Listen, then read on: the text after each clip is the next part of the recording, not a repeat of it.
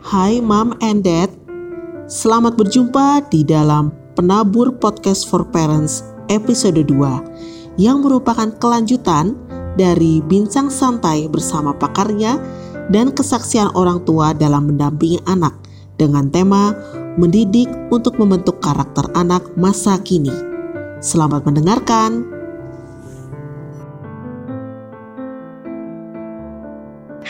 Yang paling berharga adalah keluarga. Dan keluarga bahagia adalah keluarga yang penuh kasih mesra, saling mendukung satu dengan yang lain, dan mampu membentuk karakter yang kuat dan beriman bagi anggota keluarganya, di mana kolaborasi antara orang tua, anak, dan lingkungan itu diperlukan. Baik, kita akan menuju sesi tanya jawab. Ada banyak sekali pertanyaan yang diberikan moms and dads. Ini ini perbincangannya betul-betul luar biasa ya, dan menarik sekali untuk kita memberikan pencerahan yang baru untuk kita. Nah, pertanyaan yang pertama ini uh, akan diberikan kepada Pak Profesor Iwan Pranoto. Ada beberapa pertanyaan Pak, nanti bisa saya rangkum menjadi satu karena uh, nanti bisa dijawab uh, bersamaan oleh uh, Pak Iwan dan uh, bisa uh, dijelaskan begitu. Nah, yang pertama adalah uh, mengatakan begini dari Mary orang tua Edelweiss. Uh, bagaimana kita dapat menilai atau melihat kebiasaan anak kita sehari-hari apakah dia sudah pada koridor yang koridor yang benar tanpa menjadi polisi yang menebarkan uh, kecurigaan. Kemudian yang kedua, bagaimana uh, karakter itu didukung oleh lingkungan anak sendiri gitu ya. Ketika anak sudah mulai bertingkah nih orang tua udah mulai marah-marah. Itu tadi berhubungan dengan polisi tadi ya Pak ya. Ketika sudah mas tidak pada koridornya maka orang tua marah gitu. Dan kemudian dikatakan sinkronisasi rencana Tuhan dalam hidup anak-anak kita yang sudah punya cita-cita dalam kemandiriannya dan bagaimana peran kita sebagai orang tua sebagai peladang yang mendampinginya. Silakan Pak Iwan. Baik, Uh, terima kasih atas pertanyaannya. Uh, pertama, uh, menurut saya uh, mungkin pertanyaannya sebetulnya perannya kita bagaimana gitu ya, hmm, persisnya ya. Betul, betul. Saya ingin mengulang lagi ya, kalau kita sebagai pemandu wisata gitu ya, uh, misalnya, misalnya kita ingin uh, apa namanya, kita ke ke uh, agen wisata gitu ya, kita bilang uh, saya ingin uh, mendaki bukit uh, Rinjani misalnya ya Gunung Rinjani. Maka uh, pemandu wisata itu apa tugasnya ya? Seringnya sebetulnya uh, pemandu wisata itu uh, kalau kita kita sedang pergi ke sana sedang itu ya yang mungkin ini uh, metaforanya sebetulnya kita sering sebagai orang tua itu mengambil alih kesulitannya anak ya. Uh, di situ itu yang menjadi masalah seringnya ya. Uh, kita seperti pemandu wisata yang bilang ke yang sedang berwisata kita bilang jalannya sulit ke atas ke bukit itu ya sudah titipkan ke saya saja ponselnya nanti saya potretkan dari atas gitu ya. Itu yang terjadi. Itu yang di yang bagaimana seorang orang uh, orang tua bahkan guru juga mengambil alih kesulitan anak. Padahal kesulitan anak itu bagian dari kenikmatannya gitu. Nah, ini yang menurut saya uh, jadi kalau ditanya bagaimana sebetulnya kita yang harus menunjukkan bahwa kita juga menikmatinya ya. Kalau sebagai orang tua, uh, jika kita ingin mendampingi anak kita, kalau kita menunjukkan kita memang cinta belajar, ya kita sudah menunjukkan cinta belajar tidak gitu ya. Uh, kalau anak sedang belajar di meja gitu, ya kita duduk di sebelahnya ya mungkin ya duduk di sebelahnya uh, kalau memang dia tanya uh, justru kita tanya kembali ya kamu belajar apa gitu ya dan bagaimana cara ngerjakannya gitu ya ayah belum tahu seperti itu caranya bagaimana gitu ya. Uh, papa dulu belajarnya nggak kayak begitu, coba ajarin gitu ya. Uh, menunjukkan bahwa uh, kita duduknya sama tinggi ya. Uh, saya bukan orang yang lebih tahu ya. Itu uh, mungkin uh, menjadi posisi yang baik. Jadi tadi uh, peran sebagai polisi nggak perlu jadi ya. Itu tadi. Jadi uh, kita justru bukan polisi ya. Kita menunjukkan antusiasme. Itu yang uh, tugas besar kita yang paling penting ya. Uh, ayah dulu juga uh, belajar seperti itu tapi caranya kok beda ya? Kamu bisa ngajarin nggak gitu ya? Uh, ayah bisa belajar. Kemudian lingkungan. Menurut saya uh, sepakat ya. Jadi lingkungan penting sekali. Uh, yang bisa kita kerjakan sebetulnya penting ya. Menyediakan meja untuk belajar misalnya. Itu hal yang uh, sangat penting ya. Ini ada satu gerakan dari Desmond Tutu ya Uskup Desmond Tutu yang menyediakan meja untuk anak-anak di Afrika ya. Bayangkan ya anak-anak Afrika itu yang mungkin tidak pernah sekolah tapi dis, disediakan meja. Meja. Yang khusus untuk mereka bisa gunakan ya. Mejanya portable memang tetapi menurut saya itu sebuah lambang ya. Itu tempat kamu belajar kamu punya otonomi di sana ya. Kamu bisa melakukan apa saja di situ. Itu sebuah uh, simbol. Jadi menurut saya itu uh, mungkin uh, apa saya kurang bisa menyampaikan itu waktunya mepet, tetapi itu kurang lebihnya. Kita uh, kita juga sebagai orang yang uh, suka belajar itu harus menjadi uh, gambaran bukan ceramah ya, bukan lewat ceramah. Saya tidak suka khotbah gitu ya. Hmm. maaf Bu Pendeta. Tetapi uh, kita harus menunjukkan memang saya suka baca buku gitu ya. Saya suka uh, membaca, suka uh, suka uh, suka mencatat gitu ya, suka memberikan uh, suka mengarang kalau ditunjukkan bukan dikotbahkan ya gitu ya. Gitu Bu Eti. Terima kasih Pak Iwan. Jadi kita ini harus menunjukkan teladan lah istilahnya ya Pak ya. Kalau kita suka membaca, anak juga pasti suka membaca begitu ya. Contoh yang baik. Lalu, belum tentu. Tapi setidaknya, setidaknya kita harus suka belajar, suka membaca belajar. dahulu. Membaca. Iya. Kita suka membaca dulu, baru anak kita turun ya gitu ya Pak. Iya. Betul betul. Dan menunjukkan uh, bahwa kita ini sama tinggi, nggak lebih dari dia begitu. Itu yang akan membuat anak menjadi lebih comfort atau lebih nyaman gitu ya ya Pak. Iya. Terima kasih Pak ini uh, jawabannya uh, luar biasa yang memberi pencerahan dan yang pastinya uh, kita ini sebagai pemandu gitu ya Pak ya itu yang harus selalu diingat bagaimanapun uh, kita ini bukan uh, orang yang memaksakan kehendak kita tapi memandu jalan dan mereka yang menentukan begitu Pak. Baik, sekarang ada pertanyaan untuk Pak Coki. Pak Coki, ada pertanyaan dari uh, uh, uh, ini orang tua siswa.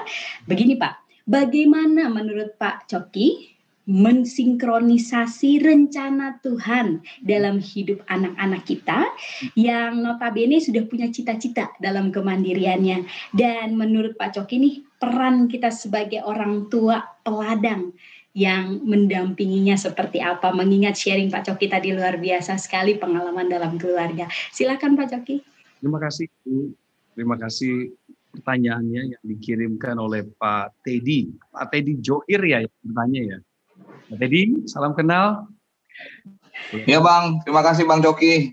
Anaknya umur berapa Pak Teddy? Anak saya umur 14 Bang, sama Wah. 8. Saya abang ini ke Pak Teddy. Pak sudah duluan ini punya anak yang usianya udah masuk ke fase di atas anak-anak kami ya, sudah di fase coaching. Baik, tapi izinkan saya untuk berbagi ya perspektif saya tentang tujuan Tuhan dalam hidup mereka. Kita mesti ingat bahwa prinsip Alkitab yang mengajarkan kita punya keluarga itu keluarga anak kita keturunan sudah pasti dihasilkan daripada percampuran dua karakter berbeda, dua talenta, dua DNA berbeda. Saya dengan Caca dalam konteks ini saya dan istri saya kami dua adalah berbeda. Dalam Maleakhi 2 ayat 15, izinkan saya membacakan sedikit ya. 2 ayat 15a Maleakhi dalam versi New Living Translation ya. Didn't the Lord make you to be your wife? In body and spirit you are his. And what does he want? Godly children from your union. Saya berhenti di situ. Godly children from your union. Menjadikan keturunan ilahi dari persatuan saya sebagai suami dan istri sebagai pendamping hidup saya.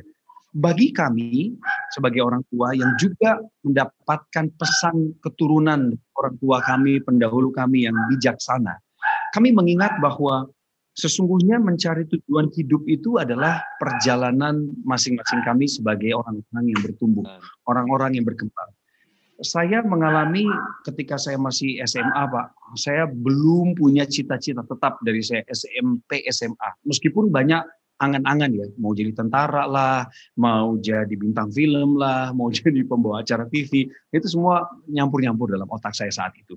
Tapi ketika saya mulai kuliah, Pak, saya ketemu komunitas, saya ketemu lingkungan, saya ketemu dengan orang tua yang mulai berbicara dengan saya dengan cara yang berbeda. Saya punya om dan tante yang ikut membantu memberikan perspektif dan jendela kehidupan. Saya mulai merasakan bahwa panggilan hidup saya mulai spesifik di saat-saat seperti itu. Jadi ketika saya ketemu lingkungan, ketemu orang-orang yang pas, ketika ketemu opportunity, ya, ketika ketemu pembentukan karakter, maka di saat yang sama kita sebenarnya sedang diarahkan Tuhan menuju tujuan hidup. Jadi ketika Bapak bertanya tadi gimana caranya menyinkronisasi, tugas kita sebagai orang tua ya Pak, adalah memberikan kepada anak-anak kita atau menunjukkan, menunjukkan itu yang tepat kata-katanya menunjukkan pada anak-anak kita jendela kehidupan dunia yang begitu luas, yang begitu indah, yang penuh dengan seluk-beluknya. Kita menunjukkan pada mereka dan kita juga tidak jarang menunjukkan kepada mereka teladan. Ketika kita melihat pemandangan A, bagaimana kita merespon itu. Kemudian permasalahan B, bagaimana kita menunjukkan di depan teman, A, depan anak-anak kita. Dan sebagai contoh yang paling spesifik di dalam rumah, ketika kita tidak sependapat dengan istri kita, bagaimana kita menunjukkan di depan anak-anak kita ketika anak-anak memilih, saya mau sama papa, saya mau sama mama. Papa saya lebih baik daripada mama saya. Apakah lantas kita setuju dengan anak kita? Lalu membiarkan dia punya persepsi yang terus berkembang bahwa mamanya tidak tidak terlalu baik seperti bapaknya gitu. Kan enggak, Pak. Kita harus menjadi orang yang meluruskan hal itu, menetralisir pikiran mereka.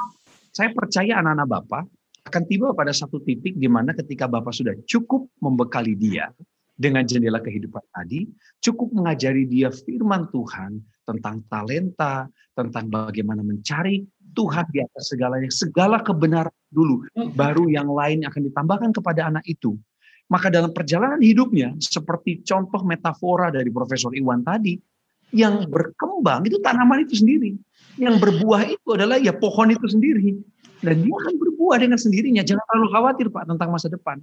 Karena masa depan sudah Tuhan sediakan bagi kita yang percaya. Tetapi bagian kitalah untuk mengerjakan hal-hal yang benar sesuai visi yang Tuhan kasih. Visi yang pertama untuk anak-anak kita datang dari orang tua. Bagaimana mereka menemukan tujuan hidup juga sepenuhnya ada di tangan Bapak dan Ibu. Selebihnya tidak perlu khawatir, Pak. Dan uh, sebagai peladang, Bapak Ibu cukup mendampingi.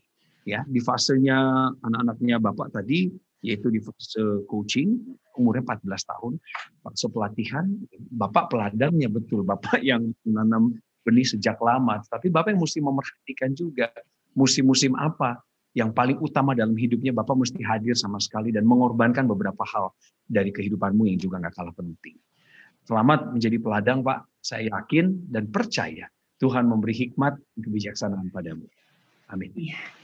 Terima kasih Pak Coki, jawaban yang luar biasa ya. Dan uh, sepertinya Pak Coki katanya mau ada acara kegiatan lain ya Pak ya? Ya, sambil berjalan Ibu. Sambil berjalan. Kalau, kalau masih ada yang perlu saya layani, saya layani sampai tuntas Bu. Baik, oke lah kalau begitu. Kita sambil menunggu pertanyaan-pertanyaan untuk Pak uh, Coki, saya berpindah ke Bu Kordel dulu ya Pak Coki. Ya, baik. Terima kasih Pak Coki. Ini luar biasa jawabannya, dapat memberikan inspirasi buat Moms and Dad. Nah, untuk Ibu Kordel, ada pertanyaan nih Bu Kordel. uh, menurut Bu Kordel nih, bagaimana kami sebagai orang tua bisa mengkomunikasikan kasih kami kepada anak sesuai dengan kebutuhannya baik dari segi bahasa, kemudian dari segi umur, kesenjangan dan latar belakang uh, orang tua kami sebagai orang tua dan menurut uh, pendeta Ibu Pendeta Kordel bagaimana cara memunculkan atau menumbuhkan minat mereka ke hal-hal yang uh, mereka suka sesuai dengan kebutuhan mereka. Silahkan Bu Kordel.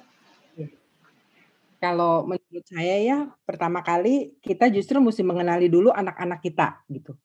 Kalau bicara soal kasih, mungkin Bapak Ibu juga pernah dengar soal buku Five of uh, Love Language gitu ya, ada lima bahasa kasih. Jadi memang uh, kita mesti mengenali dulu bahasa kasih anak-anak kita itu bahasa kasihnya apa gitu.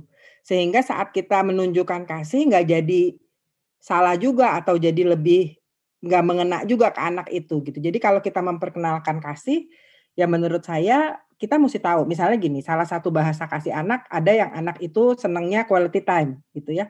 Dia nggak terlalu pusing dikasih hadiah macem-macem, tapi ada yang senangnya misalnya hadiah gitu. Tapi kalau kita cuma ngehujanin hadiah ke anak-anak yang sebenarnya lebih suka kehadiran orang tuanya secara fisik gitu ya, kehadiran orang tuanya sebagai teman ya berarti kita juga nggak bisa anak itu nggak terjawab gitu kebutuhannya. Jadi menurut saya yang pertama sih kita mesti tahu dulu model anak kita kayak apa sehingga bahasa kasih kita memang sesuai gitu. Menurut saya kasih itu sangat personal ya. Kita nggak bisa bilang saya mengasihi anak saya, anak saya ada tiga cara saya mengasihi anak saya yang pertama sama seperti cara saya mengasihi anak saya yang kedua. Kayaknya enggak tuh. Semakin banyak anak yang dipercayakan kepada Bapak Ibu, Bapak Ibu juga harus semakin kreatif untuk melihat bagaimana mengungkapkan kasih itu kepada anak-anak kita karena bisa beda penerimaannya gitu ya cara kita berlaku menunjukkan kasih kita bisa beda nih penerimaannya padahal sama kenapa karena memang pada dasarnya setiap anak itu kan berbeda kalau kita mau kalau tadi Bu Eti bilang ada pertanyaan juga gimana caranya supaya anak-anak kita ini punya minat gitu maksudnya ya Bu Eti ya Iya, iya, betul. Ya. Jadi menunjukkan minat. Uh, itu tadi kalau saya bilang perlu dikomunikasikan juga sih gitu ya. Saya agak tertarik tuh ada pertanyaan soal memberi iming-iming gitu ya hmm. kalau misalnya belajar. Ini kan Semoga. menurut saya menumbuhkan minat belajar itu jauh lebih penting ketimbang hasil. E, misalnya gini, kalau saya kasih apresiasi, iming-iming ini saya bahasakan misalnya apresiasi gitu ya. It's okay juga, ini sebagai bentuk apresiasi. Tapi sebenarnya anak ini tertarik untuk belajar karena ada apresiasi. Sedangkan yang lebih penting menurut saya ada atau tidak ada apresiasi, anak ini mesti dibangun minatnya untuk belajar gitu. Tapi membangun minat ini kan nggak ini mesti di, dikondisikan. Sekali lagi kalau kita cuma mau belajar belajar belajar kita sendiri nggak pernah belajar gitu ya mau nyuruh anak belajar gimana gitu. Dan maksud saya benar-benar mesti dikondisikan. Kalau kita mau anak kita rajin baca buku tapi dia nggak pernah lihat Mamanya gitu ya. Kalau menurut saya sih rada jauh juga, walaupun nggak menjamin seperti tadi kata Prof. Iwan, saya baca buku belum tentu anak saya baca buku gitu. Tapi kan buku juga nggak cuma buku, sekarang buku juga bisa dari digital ya Bu ya. Digital gitu ya. Dan itu kadang-kala apa ya, perbedaan persepsi antara pengalaman kita sama keadaan anak kita dan keadaan masa sekarang. Jadi hmm. kita maunya misalnya nih, anak belajar, ya seperti cara kita dulu belajar. Padahal kan semuanya udah berubah sehingga kita kadang kurang apresiasi kalau sebenarnya anak itu juga udah belajar. Anak-anak zaman sekarang kan multitasking, Bapak. Mm-hmm. Kita suruh dia belajar duduk diem tenang nggak ada suara eh nggak bisa. Kadang mm-hmm. anak saya belajar pakai musik, tangannya megang yang lain, tapi dia belajar gitu ya. Cuman kita mungkin bingung, ini kok belajar tapi full musik, terus mungkin megang juga gitu, lihat apa lagi tapi belajar. Ya, menurut saya kita perlu membuka diri ngelihat anak gitu ya. Ini yang paling penting nih ngelihat anaknya supaya apa yang kita lakukan apa enggak uh, fokusnya bukan diri kita gitu, tapi yang menyesuaikan dengan anak-anak kita sehingga kasih itu juga diterima dengan baik karena memang penerimaannya sesuai juga dengan anak-anak kita perkembangannya dan lain sebagainya. Ya, ya. Nah, ini Bu, Korda menyambung tadi bicara masalah tentang minat dan bakat begitu ya. Kalau sekarang kan kita mengingat ada standar pintar ya, uh, Bu Kordel, bahwa ada nilai-nilai pembelajaran yang harus bagus dan standar KKM. Nah, menurut Bu Kordel sendiri bagaimana uh, hal ini uh, bisa, maksudnya mengembangkan kita bisa mengembangkan bakat dan minat anak kita, sedangkan sekolah sendiri punya standar itu. Gitu. Iya, ini ketegangan menurut saya nggak cuma di sekolah kita, tapi memang sistem pendidikan kita yang masih seperti itu gitu ya bahwa sistem pendidikan di negara kita mau nggak mau masih uh, apa menurut saya memenjarakan dengan nilai gitu. Jadi ada ada KKM tapi menurut saya orang tua yang mesti mengembangkan juga pola pikir bahwa uh, apa nilai akademis itu cuma salah satu dari sekian banyak nilai yang ada dalam kehidupan anak-anak kita gitu. Hmm. KKM itu maksudnya gini kalau anak saya KKM-nya atau dia nggak pernah terlalu bagus gitu ya, apa berarti anak saya anak yang bodoh kan enggak. Kepintaran itu enggak cuman akademis. Kalau KKM itu bicara soal akademis. Salah satu buku mengatakan ada multiple intelligence gitu. Itu yang sering kali kita lupa. Jadi kita lebih bangga anak kita matematikanya 100 gitu ya daripada anak kita ternyata punya bakat seni yang luar biasa. Ini kan masih pembedaan dan pembedaan itu kayaknya sih kebanyakan masih di di kita gitu ya di sistem kita gitu. Kita kurang menghargai Misalnya gini, kalau anak bapak ibu mau jadi pendeta, sama anak bapak ibu, anak bapak ibu mau sekolah kedokteran, gitu ya, bapak ibu lebih dukung yang mana, bapak ibu? Jujur ya. Kalau zaman sekarang lebih bangga anak bapak ibu masuk sekolah teologi apa anak bapak ibu masuk UI? Mungkin lebih bangga masuk UI gitu ya. Anggapnya ini lebih pinter. Kita yang mesti rubah mindset kita. Kalau mindset kita sendiri nggak berubah gitu ya, maka akhirnya kita juga yang ngajarin ke anak-anak kita yang paling penting cuma KKM. Kita nggak ngehargain waktu anak kita renungan harian dulu, dia berdoa dulu. Loh, kita puji nggak? Atau kita ingetin nggak waktu anak-anak kita lupa berdoa? Kita ingetin waktu anak-anak kita lupa belajar waktu mau ulangan. Tapi kita nggak ingetin waktu anak-anak kita lupa berdoa. Ya. Ini menurut saya yang perlu dibangun juga bahwa yang penting dalam dunia kalau kita mikir-mikir. Apa sih yang Bapak Ibu mau tinggalin ke anak-anak Bapak Ibu? Nilai doang gitu ya dia pinter matematik hafal nanti kalau udah gede sowot gitu. Ada yang lebih dari itu nilai penting juga tapi itu bukan the one and only gitu. karena anak-anak mesti dilihat juga jangan-jangan anak-anaknya ada yang pola pendidikan di Indonesia nggak terlalu sesuai dengan anak-anak kita gitu. Nuntut sampai akademis yang tinggi gitu. Itu yang saya bilang balik-balik lagi mesti dikenali Iya. Wah ini luar biasa. Ini pertanyaan dari Anzela dan juga tadi dari Glory, uh, Ibu Pendeta Kordel. Ini pertanyaannya luar biasa. Terima kasih Bu Kordel. Uh, memang ya kadang-kadang benar seperti yang Bu Kordel bilang ketika anak kita lupa berdoa, kita mah biarin aja gitu tapi ketika nilainya jelek kita udah wah kayaknya gimana gitu kayak kebakaran jenggot ya bener luar biasa uh, bisa memberikan pencerahan kepada kita dan saya juga ingin bertanya nih kepada uh, Prof. Iwan tentang tadi Prof e, mengembangkan bakat dan minat anak gitu jika minat mereka di luar akademis. Mengingat tadi standar e, pintar itu adalah nilai-nilai pembelajaran bagus dan juga standar KKM ini dilihat dari segi ahli. Kalau yang tadi segi teologi nih sekarang dari segi ahlinya Prof. Iwan. Silakan uh, Prof. Iwan. Baik uh, menurut saya semuanya sama pentingnya ya. Eh, kebetulan kebetulan kita hari ini memang terlalu fokus pada yang saya sebut sebetulnya kecakapan global ya. Kecakapan global itu menjadi begitu didewakan ya. Yang ini menakutkan ya. Sebetulnya di dunia itu dengan tes internasional seperti PISA, TIMSS itu ya. Bagi saya itu sangat bahaya ya. Di dunia anak-anak itu semua sedang mengejar kecakapan global itu. Ya, matematika termasuk saya termasuk berdosa di situ. E, kecakapan seperti itu memang memang konsekuensinya e, untuk karir itu baik ya. Khususnya misalnya ya, kita melihat hari ini juga kita lihat bahasa bahasanya kita penuh dengan bahasa Inggris ya uh, syarat dengan bahasa Inggris yang uh, kemungkinan itu memang lebih cocok untuk karir. Tapi bagaimana masa depan dari kecakapan lokal kita? Anak-anak yang menenun ya, menenun di Toraja, anak-anak uh, suku Asmat yang mengukir kayu. Itu semua menjadi kecakapan nomor dua. Ya, kelas dua.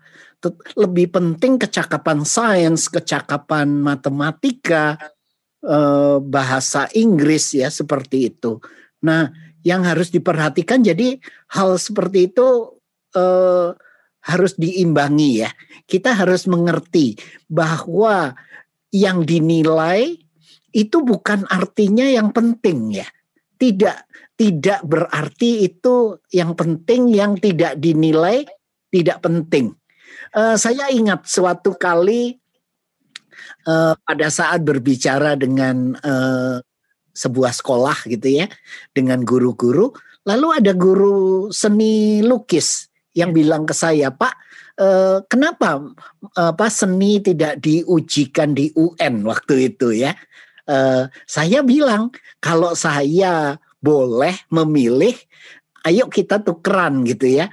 Matematika yang nggak usah dinilai eh, seni aja yang dinilai gitu ya. Karena eh, setelah matematika itu dinilai atau yang lain juga ya, akhirnya anak belajar matematika bukan karena suka, bukan karena cinta, bukan karena dia senang gitu ya, tetapi lupa, hilang ya. Jadi hanya karena ya diuji gitu. Kenapa belajar? Akhirnya rasa menikmatinya hilang. Hmm. Jadi itu yang penting. Yang menurut saya yang harus kita kembalikan lagi ya. Jadi eh, kita sebagai orang tua kalau memang atau guru kalau memang kita membelajarkan uh, satu satu disiplin yang tidak terkait dengan yang di KKM tadi, ya kalau kita memang menikmatinya apa salahnya itu. Jadi kita juga tetap harus menunjukkan ya, seperti menyanyi uh, itu tidak diuji gitu ya. ya. Tapi apakah kita tidak mau mempelajarinya gitu. Hmm. Uh, jadi kembali lagi uh, kita harus menun- me- meletakkan itu pada perspektif yang baik ya. Meletakkan itu pada posisi yang baik bahwa yang dinilai itu uh, atau yang tidak dinilai itu bukan berarti tidak penting gitu ya. Jadi harus balance ya Pak ya, seimbang. Iya, jadi menjawab seperti tadi dikatakan Bu Cordelia ya. Jadi uh, itu itu memang kritik yang tepat ya. Kalau kita uh, anak saya mau belajar, jangankan yang seperti tadi ya, uh, anak kita yang mau belajar filsafat aja misalnya. Pertanyaannya, kamu nanti kerja apa? yang itu nyata ya yang uh, rasanya untuk anak-anak kita sekarang karena uh, filsafat misalnya itu sangat relevan hari ini ya. Tetapi kalau anak saya mau jad, mau belajar filsafat, anaknya orang lain saja gitu ya, bukan ya. anak saya gitu. Uh, itu ya, jadi saya sepakat dengan Bu Pendeta rasanya kita harus lebih uh, kembali lagi ya. Kita lupa ya uh, gini, saya itu sedang sedang menulis gitu ya, sedang menulis. Saya itu memulai dengan pertanyaan, siapa dari kita yang ingin anak kita jadi SDM? Ada yang angkat tangan tidak anaknya yang ingin jadi SDM? Tidak ada kan. Tapi pendidikan, institusi pendidikan, para penentu kebijakan itu dengan hebatnya presiden ya hmm. mengatakan dengan ber berbuah apa ber uh, bersemangat gitu ya. Kita cetak SDM. Siapa anaknya yang mau dicetak jadi SDM? Saya nggak mau anak saya dicetak. Anak saya manusia, bukan pekerja, bukan buruh, bukan bukan apa namanya bukan uh, plastik yang dibentuk. Tidak, anak saya manusia punya kehendak sendiri gitu ya. Uh, jadi kembali lagi kita harus kritis ya dengan kata-kata kita harus perlu bijak ya. Jadi mungkin kalau ada acara lagi jangan mengatakan judulnya membentuk karakter anak. Bagaimana anak membentuk karakternya ya. Mungkin itu lebih uh, lebih cerdas ya, lebih satu langkah lebih tinggi dari tingkatan bagaimana saya membentuk gitu. Tapi bagaimana saya uh, dapat mendampingi anak membentuk karakternya gitu ya. Hmm. Itu lebih lebih bijak rasanya. Baik Pak Iwan, terima kasih banyak ini jawabannya betul-betul ya memberikan eh, pengetahuan baru untuk kita dan juga pemahaman yang baru untuk kita. Terima kasih sekali lagi Pak Iwan. Dan ini pertanyaan untuk Pak Coki. Ini pertanyaan dari Miss Julie K11 dan ini mungkin Bapak Ibu akan menjadi pertanyaan yang terakhir untuk kita hari ini. Uh, Pak Coki maaf eh, tahapan peran orang tua sesuai dengan tahap usia anak yang tadi Pak Coki sharingkan. Eh, boleh tahu nih sumber bukunya dari mana atau jurnalnya dari mana atau memang Pak Coki sendiri yang membuat dan rambu-rambu kita sebagai orang tua itu apa saja? Silahkan Pak Coki. Iya, terima kasih. Pertanyaan tadi saya jawab adalah pengalaman kami mengikuti beberapa seminar tentang pola pengasuhan anak nama-nama besar yang bisa kami sebut saat kami mengikuti ini dan mencatatnya adalah dari kelas Ibu Eli Risman, Ibu Eli Risman. Kemudian yang kedua adalah Bapak dan Ibu Jusar Badudu.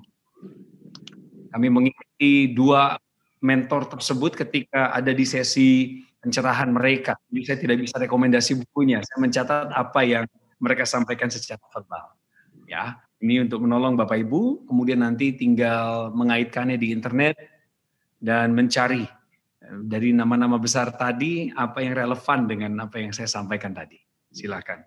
Kemudian yang kedua adalah maaf Bu Eti tadi pertanyaan kedua bisa diulang? Rambu-rambu kita sebagai orang tua itu eh, menurut Pak Coki apa saja? Wah banyak sekali rambu-rambunya ya. uh, saya Mohon izin Bu Eti, tadi yeah. saya sempat membaca beberapa pesan yang masuk, baik itu yang ditujukan kepada umum, tapi hmm. kelihatannya mengarah ke kami. Kemudian juga ada pesan langsung. Tapi mohon maaf yang mengirimkan pesan langsung ke saya, eh, saya tidak bisa menjawab yeah. secara pribadi. Saya akan bicaranya secara umum saja di sini ya, yeah. karena untuk itulah acara kita dibentuk. Nah, saya ingin menanggapi begini. Sebagai contoh yang bertanya kepada kami, ini kaitannya dengan rambu-rambu juga ada seorang bapak yang memiliki dua anak laki-laki yang berbeda karakter dan sifat dan kelihatannya bapak atau ibu ini punya masalah dalam mengendalikan emosi.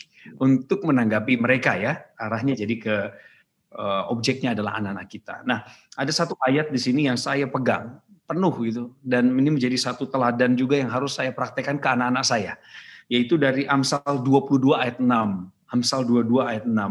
Arahkanlah anak-anakmu ke jalan yang benar. Didiklah mereka. Itu artinya demikian. Didiklah mereka ke jalan yang benar supaya ketika mereka lebih dewasa suatu saat nanti mereka tidak akan meninggalkan jalan kebenaran itu. Ini adalah prinsip pendidikan yang hakiki dalam rumah tangga. Menurut saya penegakan aturan, kemudian pendampingan, coaching, training itu semua tercakup di dalam ayat ini. Artinya Pak, Bu, kalau soal karakter sifat mereka yang berbeda itu udah anugerahnya Tuhan buat mereka. Ada orang yang lahir diberikan satu talenta, ada yang dua talenta, tiga talenta. Itu bukan hanya bicara kemampuan, tetapi itu bicara juga karakter dan sifat manusia yang begitu kompleks. Dan nggak apa-apa beda karakter, beda sifat. Justru di situ tantangannya yang menajamkan kita sebagai orang tua. Lalu urusan Bapak Ibu mengendalikan emosi bagaimana? Ibu Bapak harus ingat ayat pedoman tadi. Kalau Bapak Ibu tidak dapat mengendalikan diri, mustahil Anda mengendalikan anak-anakmu. Mengendalikan pun ini adalah konteks yang sangat sulit sebenarnya. Karena bagaimana kita bisa mengendalikan pikiran mereka atau isi hati mereka, sekalipun mereka darah daging kita. Gak bisa Bapak Ibu. Ada batasan, ada keterbatasan kita sebagai manusia pada titik tertentu kita lepas gitu loh. Kita biarkan mereka mengambil keputusan, kita biarkan mereka mendapatkan pengalaman dan dari pengalaman itu kita berharap mereka bisa balik kanan atau mereka e, mengambil solusi lain atau mendapatkan perspektif baru itu nggak bisa kita kontrol. Tetapi ada hal-hal yang dalam kendali kita, pendidikan kita untuk mereka, ya tekuni, jalani saja itu terus. Dari mana sumbernya? Saya sih jelas sebagai seorang Nasrani, sebagai orang yang percaya pada Tuhan Yesus Kristus, saya ambil sumbernya dari Alkitab. Pola pengasuhan Bapa kita di surga yang tadi di awal sempat saya sampaikan. Kemudian saya menyinggung sedikit, tadi juga ada yang bertanya mengenai perbedaan pendapat orang tua tentang aturan di dalam rumah. Nah, bagaimana kita menanggapinya? Bapak Ibu, saya punya kesepakatan sama istri. Kalau kami buat aturan, ya di rumah ini kami buat aturan. Kami tidak melibatkan anak-anak. Nggak perlu. Kalaupun mereka punya aspirasi, kita tangkap aja. Tapi ketika mengetuk palu untuk aturan di rumah, oh kami nggak lakukan di depan mereka. Kenapa? Supaya debatnya kami, argumentasinya kami, itu tidak menjadikan contoh bagi mereka untuk mencari celah, kelemahan, kurangan dari kami. Sebagai contoh, bisa saja saya lebih aktif bicara karena memang pekerjaan saya pembicara publik. Istri saya kurang bicaranya, tetapi lebih banyak menulis. Nah, bayangkan ini kalau kami adu argumentasi di depan anak-anak, bicara mengenai aturan rumah, bisa-bisa anak berpihak. Jadi untuk urusan perbedaan pendapat orang tua mengenai aturan rumah, tolong pada prinsipnya kita lakukan secara tutup. Kita rapat sendiri. Kemudian penerapannya baru di depan mereka. Bukankah ketika kita juga memberikan peraturan bagi orang yang tinggal di rumah kita, juga kita membuat aturan itu, merancang aturan itu di kamar kita gitu? Kita nggak perlu oh, tiba-tiba secara spontan mengadakan peraturan yang harus diketahui seluruh orang. Enggak. Enggak, kita punya bagian kita untuk merahasiakannya. Nah, saya berdoa, saya berharap apa yang kita bicarakan pada pagi hari ini menjadi pencerahan. Belum tentu menjadi solusi jangka panjang, tapi minimal jadi solusi praktis ketika kita mau mengubah pola pikir kita yang salah atau keliru menjadi sesuatu yang baru per zaman ini. Demikian Bu Eti jawabannya dan terima kasih untuk kesempatannya saya boleh bergabung di sini. Saya sekalian mohon pamit untuk dapat melanjutkan aktivitas kami saya juga mengucapkan terima kasih kepada Ibu Pendeta Cordelia dan juga Profesor Iwan untuk ilmu yang sangat berharga yang kami boleh terima pada pagi hari ini. Tuhan memberkati kita semua. Shalom. Terima kasih Pak Coki juga atas kehadirannya dan kesediaannya untuk berbagi. Shalom juga salam untuk keluarga di rumah. Sekali lagi terima Sampai kasih Pak Coki. Ya, ya, Moms and Dads kebahagiaan keluarga ternyata tidak hanya diukur oleh tercukupinya kebutuhan lahiriah saja atau kecukupan materi dan keberhasilan dalam pendidikan akademik, tetapi juga kehadiran orang tua sebagai pemandu, sebagai sahabat bagi anak-anaknya, sehingga karakter anak-anak kita berkembang, sikap dan juga pola pikirnya berkembang dan mencerminkan nilai-nilai Kristiani dan firman Tuhan. Terima kasih kepada ketiga narasumber yang hebat pagi ini, kepada Profesor Iwan Pranoto, saya mengucapkan terima kasih yang luar biasa uh, atas segala pencerahannya, ilmu yang diberikannya, dan juga kepada Ibu Pendeta Cordelia Gunawan dari Gereja Kristen Indonesia, Sinode Wilayah Jawa Barat, dan juga tadi kepada Bapak Coki Sitohang, Kiranya karya dan pelayanan Bapak Ibu semakin diberkati oleh Tuhan dan semakin menjadi berkat di mana pun Bapak Ibu berada. Dan Moms and Dad, BPK Penyabur menyadari bahwa orang tua siswa memerlukan dukungan dari berbagai pihak dalam hal menguatkan pola asuh sesuai dengan nilai-nilai Kristiani dalam era digital ini.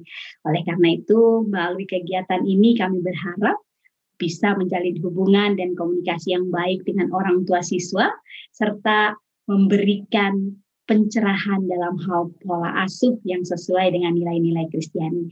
Terima kasih sekali lagi Pak, I, Pak Profesor Iwan Pranoto dan juga Ibu Pendeta Cordelia.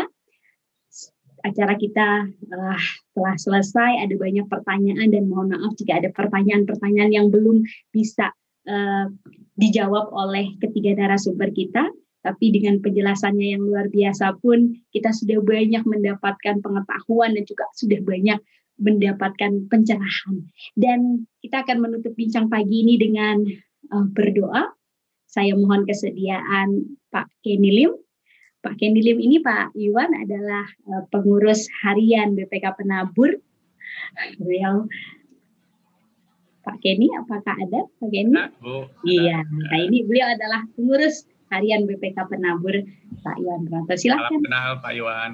Selamat pagi Pak Kenny, salam Selamat kenal. pagi. Selamat salam kenal dan juga pada orang tua semua berbahagia. Mari kita tutup ya acara ini di kesempatan berbahagia ini. Mungkin lain kali kita akan juga bisa bertemu kembali dalam acara yang lainnya. Mari kita tutup dalam doa ya. Ya. Bapak yang Maha Kasih, kami mengucap syukur ya Tuhan oleh karena kasih-Mu, oleh karena kebaikan-Mu, kami boleh mengadakan percakapan parenting eh, dari awal sampai pada akhirnya. Kami sungguh mengucap syukur untuk para narasumber Prof. Iwan dan juga Bu Kordel, Pak Coki yang sudah memberikan berbagi eh, mengenai hal-hal yang perlu bagi kami dengar. Ada hal-hal baru ya Tuhan, ada nasihat-nasihat baru dan juga ada teladan-teladan baru. Bahkan kesaksian yang menginspirasi yang didasari oleh firman Tuhan. Kami sungguh mengucap syukur untuk semua hal yang kami dapat pada hari ini. Biar Tuhan, Tuhan juga memberkati Prof. Iwan, Bu Korde, dan Pak Coki ke depan sehingga boleh Tuhan pakai untuk menjadi berkat lebih banyak bagi setiap orang. Ya Bapak kami juga berdoa, biarlah apa yang kami dapat ini bukan hanya kami sekedar mendengar, akan tetapi Tuhan menolong, menguatkan, menyuratkan itu supaya hal-hal baik yang sudah kami dengar boleh kami laksanakan dan bukan hanya menjadi pendengaran sesaat saja. Terima kasih ya Bapak. Kalau sebentar kami akan melanjutkan eh, kegiatan kami, biarlah kasih setiap Tuhan menyertai setiap kami. Dalam nama Tuhan Yesus kami mengucap syukur. Amin. Terima kasih Pak Kenny. Oke, Moms and Dad, sampailah kita di akhir acara kita hari ini. Saya, Eti, Artayatidi, dan seluruh panitia penyelenggara, mohon maaf apabila banyak kekurangan dan ada kata-kata yang kurang berkenan. Dan terima kasih sekali lagi untuk ketiga narasumber kita, Profesor Iwan Pranoto, Ibu Pendeta Cordelia, dan juga Pak Toki atas semua sharing, atas semua ilmunya. Dan terima kasih, sampai jumpa. Tuhan memberkati semua. Bye-bye.